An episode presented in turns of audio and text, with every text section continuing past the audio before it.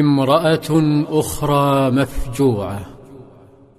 لم تكن أم الحارث وحدها الحزينة فعفراء تبكي شبليها عوفا ومعاذا بشروها أنهما سحقا فرعون الأمة وبعض الطواغيت فأسعدها الخبر ثم انطوت على شوقها.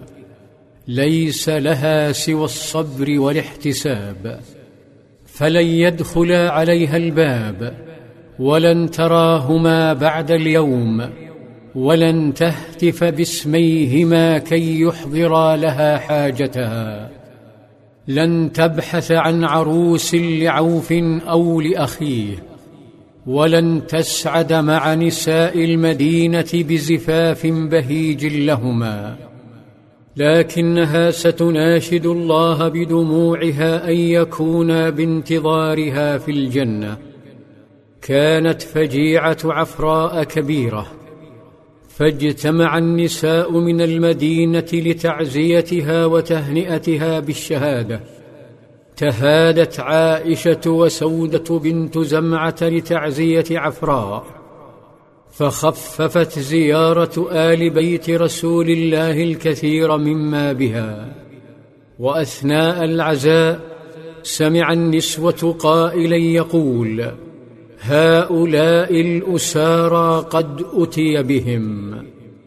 لم يبن صلى الله عليه وسلم لهم سجنا بل لم يبن سجنا قبل بدر ولا بعدها.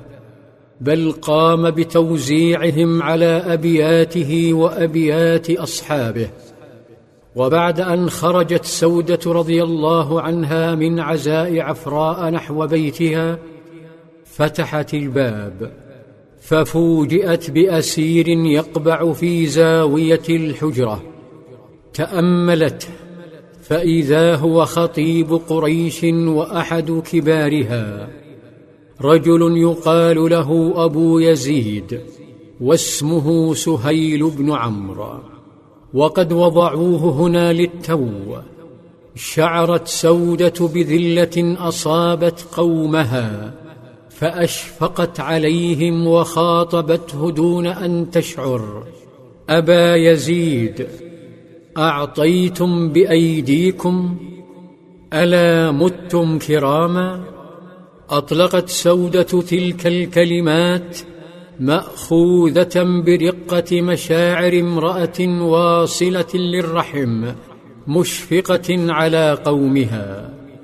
اجتاحتها الحمية وأذهلتها فلم تنظر في بقية البيت حيث يجلس زوجها. فإذا بها تفاجأ بصوت حبيب يعاتب حميتها بلطف ويقول يا سودة أعلى الله ورسوله تحرضين؟ التفتت سودة فإذا هو حبيبها صلى الله عليه وسلم فلم تزد على وصف مشاعر خرجت دون وعي. فقالت يا رسول الله والذي بعثك بالحق.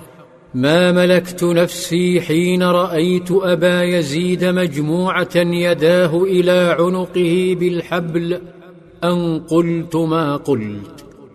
عذرها صلى الله عليه وسلم. فقد كانت غارقة في بحار الحزن والألم. موت رقية. ومناحة عفراء وأم الحارث وحال بني عمها المأسورين. اعتذرت سودة فقبل زوجها عذرها. وبقي الأسرى في حالة انتظار للقادمين من مكة من مكة المصدومة بما حدث. حتى إنها لتضج بالصراخ والحزن والعويل ولطم الخدود وشق الجيوب وبالتهديد والوعيد. لكن فجأة يطالب بعضهم بإيقاف كل ذلك لسبب أعظم.